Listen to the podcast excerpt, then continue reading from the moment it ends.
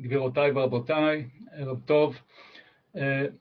בשיחה הקודמת הסברתי את הסתירה המובנית בין תופעת החיים לבין הפיזיקה של החומר, התכונה של החומר כפי שאנחנו מכירים אותה, בעוד שאנחנו יודעים שאנחנו עשויים מאותו חומר שממנו עשוי השולחן או הרצפה.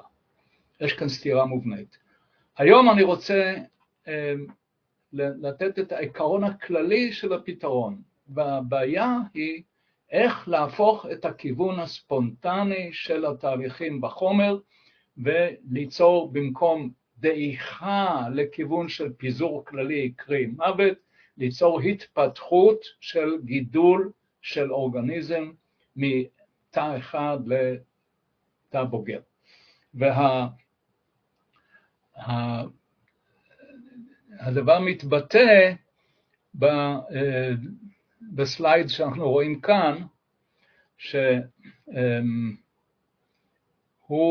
מראה לנו את הכיוון הספונטני של החומר, שהכיוון הזה הוא בכיוון של פיזור של האותיות ולא סידור של האותיות, תופעת החיים היא הפוכה. אנחנו אוספים חלקיקים מהסביבה, מהחמצן שאנחנו נושמים והמזון שאנחנו אוכלים, מפרקים את זה לחלקיקים ובונים מזה גוף של אורגניזם.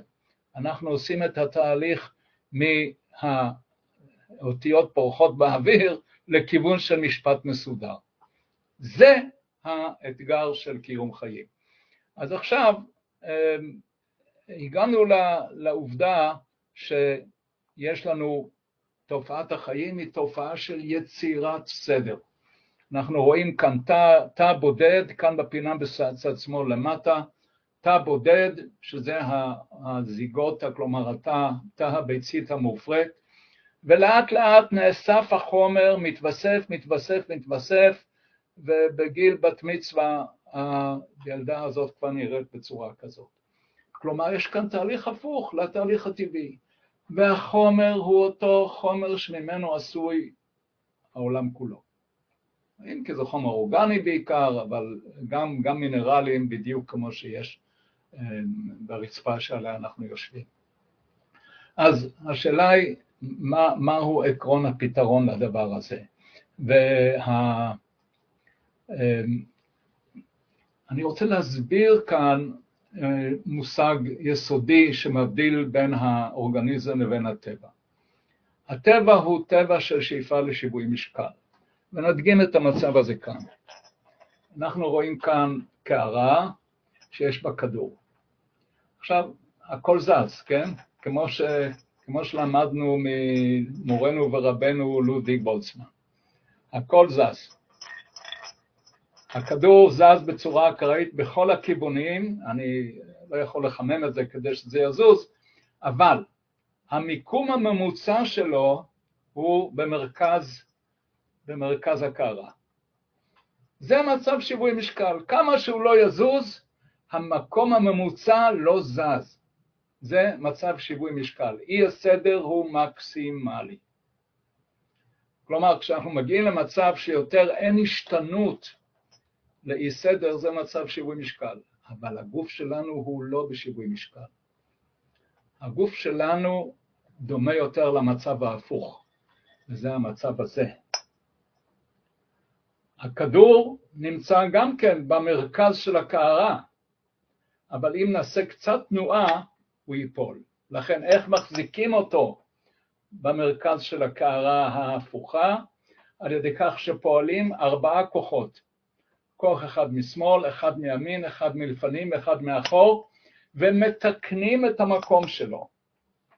זה מצב שמותנה בקיום כוחות שהם חיצוניים למערכת של קערה וכדור. בניגוד למצב הזה, שהוא יציב בכל מקרה, לא צריך שמישהו יפעיל כוח נוסף, הוא יציב. כאן זה מצב יציב במידה וקיימים כוחות חיצוניים שמתקנים את התנודות הספונטניות. זה נקרא מצב עמיד, או בלשון אמזר steady state. הגוף שלנו הוא מצב של steady state. אנחנו יציבים, הטמפרטורה יציבה, ריכוז הסוכר יציב, אמ, החום של הגוף יציב, הדברים, קצב, ה, קצב הנשימה, קצב הלב, קצב חילוף החומרים, אנחנו עושים בדיקות ביוכימיות ואחת לשנה, ורואים שהמספרים הם חוזרים על עצמם, כלומר יש יציבות. היציבות הזאת היא מצב עמיד, כי יש כוח שהוא חיצוני למערכת של החומר שיש כאן, שמתקן ושומר על המצב היציב. זה המצב של האורגניזם, זה נקרא מצב עמיד. דרך אגב, רוב מדינות העולם הם מצב כזה, כי הם נוסדו בדרך הטבע על פי חוקי הכלכלה והאינטרסים. יש, יש מדינה אחת בעולם שהיא הפוכה, שהיא כזאת, וזה מדינת היהודים. אם היא לא תפעיל כוח לשמור על מקומה, על מקומו של הכדור באמצע, זה ילך עם הטבע ויעלם. כלומר, זה, אנחנו, מדינת היהודים, אנחנו מצב עמיד, עוד שגרמניה היא מצב שיווי משקל. גרמניה רוסקה לפני 70 שנה, תוך 20 שנה הייתה מעצמה. אם אנחנו נרוסק, אנחנו לא נהיה תוך 20, תוך 20 שנה שוב, שוב מקום שהיינו קודם. כלומר, העולם כולו הוא במצב של שיווי משקל. אנחנו במצב עמית. זה הבדל מהותי, ונחזור לזה בפרקים הבאים. אז אלה הם שני סוגים שונים של מצב יציב. מצב עמיד על ידי כוח חיצוני, מצב שיווי משקל על ידי מקסימום אנטרופיה. אז עכשיו, אה, אחרי שהבנו את הבעיה של קיום חיים, השאלה היא איך אפשר לעשות היפוך של כיוון של תהליך טבעי. אז בואו נתאר לעצמנו משטח אינסופי, ועליו מתגלגל כדור, אמ, כדור טניס. גלגלתי כדור טניס במשטח אינסופי אל חיכוך. מה ההסתברות שהכדור יחזור אליי? ההסתברות היא אפס. כי צריך כוח חיצוני למערכת כדור רצפה כדי להחזיר. ולכן כאשר נביא לכאן כוח חיצוני שייתן מכה בכיוון הפוך, נקבל היפוך של כיוון התהליך הטבעי. זהו העיקרון היסודי של קיום חיים בעולם החומר. היפוך כיוון התהליך של הדעיכה האנטרופית לכיוון של מוות על ידי כוח חיצוני שמחזיר הופך את הכיוון לתהליך של גידול והתפתחות. אז השאלה הגדולה עכשיו היא, מהו הכוח החיצוני? מהו הכוח החיצוני שגורם, שמאפשר את היפוך כיוון התהליכים הטבעיים? אז אנחנו רואים שאין היפוך כיוון של תהליך במערכת כלשהו ללא התערבות כוח חיצוני, ואנחנו שואלים את השאלה, מהו הכוח החיצוני? כי בהיעדר כוח חיצוני לטבע, הטבע מנצח. כל טבע מנצח. אם אנחנו לא מפעילים את הכוח החיצוני, המוות מנצח. זה בכל מקרה נכון. כל מקרה של מערכת שהיא פועלת נגד הטבע, הטבע ינצח אם לא יהיה כוח חיצוני שפועל בכיוון הפוך. ועכשיו השאלה הגדולה היא מהו הכוח החיצוני שהופך את הכיוון של עולם החומר ויוצר את התופעה של החיים. אז ברור לגמרי שהמערכת עצמה לא יכולה להפוך כיוון והחוק הוא חוק המוות. אז מהו הכוח? הכוח שפועל, מאפשר את הצמיחה ואת החיים, הכוח הזה הוא האינפורמציה. עכשיו, אינפורמציה זה כוח? כן. כל מפקד גדוד יודע שאם יש לו קצין מודיעין טוב, הכוח של הגדוד הוא פי שלוש או פי עשר. כל, כל מהמר בבורסה יודע שאם יש לו אינפורמציה פנימית, הוא ירוויח הרבה יותר. כל אחד שיודע מה יש מעבר לפינה, יכול להתכונן.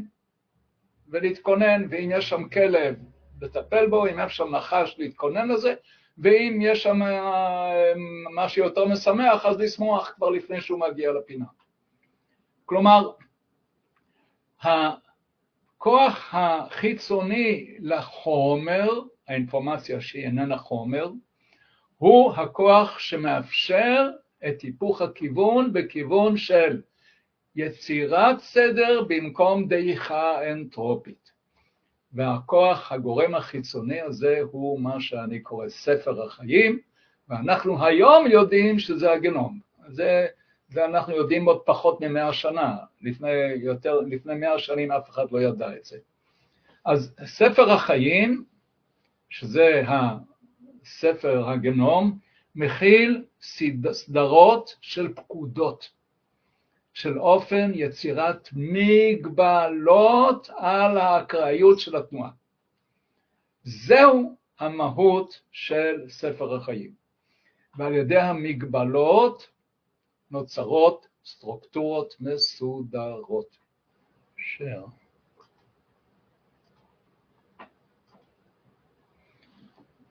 אם אנחנו חוזרים לתמונה שבה הראיתי שה... הכיוון של האותיות הולך ממצב מסודר למצב לא מסודר. אם אנחנו נשים מגבלות בתוך הקופסה של האותיות הפורחות באוויר, ונגרום להם אה, לצמצם את המרחב שבו הן יכולות להסתדר, ונשים שם איזה מגנט שמושך את האותיות לפי סדר מסוים, נוכל לקבל משפט בעל תוכן. כן. כאן. אז זו התמונה שעליה דיברתי. כאן אנחנו רואים את, ה, אה, את הכיוון. אם נוכל להגביל את חופש התנועה של האותיות, נוכל ליצור כיוון לא, כיוון, אה, לא, ספונ, לא, לא ספונטני. אז אם כך, אה, נחזור לדוגמה הזאת, ואז אנחנו יודעים שספר החיים מכיל פקודות שיוצרות מגבלות. מגבלות על התנועה האקראית. זה הדבר הבסיסי ביותר. עכשיו, אמ, הגדרנו את ה... העקרון הראשון הוא מאבק להרחקת מצב שיווי משקל, שזה מוות, על ידי יצירת מגבלות. והגדרנו את המצב של שיווי משקל ומצב עמיד, וצריך וה... לזכור דבר אחד, הטבע לא סובל את מתנגדיו, הטבע הוא דינמי, שוב לפי החוק היסודי, ולכן קיימת זרימה מתמדת של חומר ואנרגיה בשני הכיוונים, והטבע מתקן סטיות. הדבר הקובע לגבי חיים הוא המרחק ממצב שיווי משקל, וכל חריגה משיווי משקל נתקלת בתגובה אגרסיבית של הטבע. ועכשיו אנחנו אה, הגענו אה, לעיקרון. הרעיון המרכזי של מכניזם של קיום חיים עלי אדמות הוא הרעיון המרכזי הוא קיום של אה, אה, צעדים אלמנטריים שהם אקראיים, אה, עוד פעם, כאן התבלבלתי,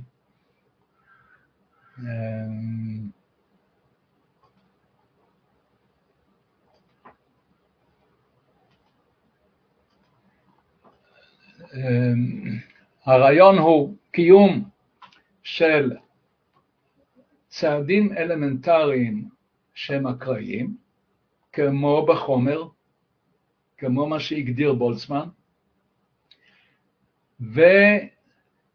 ויצירת כיווניות על ידי הגבלה של הכיוונים האפשריים. כלומר, היסוד הוא להשתמש בתנועה האקראית, אבל להגביל אותה. זה הכל. זה עקרון החיים. כלומר, אנחנו צריכים את החום, כי החום הוא תנועה, וזה התנועה של הידיים שלי, וזה התנועה של הראש שלי, הכל, הכל על ידי חום. אבל למה התנועה היא מכוונת? בגלל המגבלות. מאיפה אנחנו מקבלים את המגבלות? אלה הפקודות שישנם בתוך האינפורמציה הגנטית. מהותה של האינפורמציה הגנטית הוא פקודות להגביל תנועה אקראית. ועל ידי כך אנחנו יכולים ליצור תהליך הפוך לכיוון הספונטני וליצור חיים. כלומר, העיקרון הכללי של תופעת חיים, במובן המוכלל לפי קלוד ברנרד, שזה חל גם על חיי עם ישראל, על חיי האורגניזם, על חיי קהילה, מה שאתם רוצים. כל דבר שעונה להגדרה של קלוד ברנרד, העיקרון היסודי הוא להגביל את האקראיות. על פי מה? על פי אינפורמציה שהיא חיצונית לטבע. זה העיקרון. עכשיו, זה, ראינו את הפתרון הכללי. עכשיו, בשיחה הבאה, אני רוצה להסביר את המכניזם של יצירת המגבלות ויצירת חיים. אז עברנו שלב אחד, ראינו בהתחלה את האתגר, ראינו עכשיו את הרעיון הכללי של הפתרון, שבו אנחנו מתגברים על הטבע שהוא מוות ומאפשרים קיור חיים. אז עד כאן להיום, תודה רבה, ונמשיך בשיחה הבאה.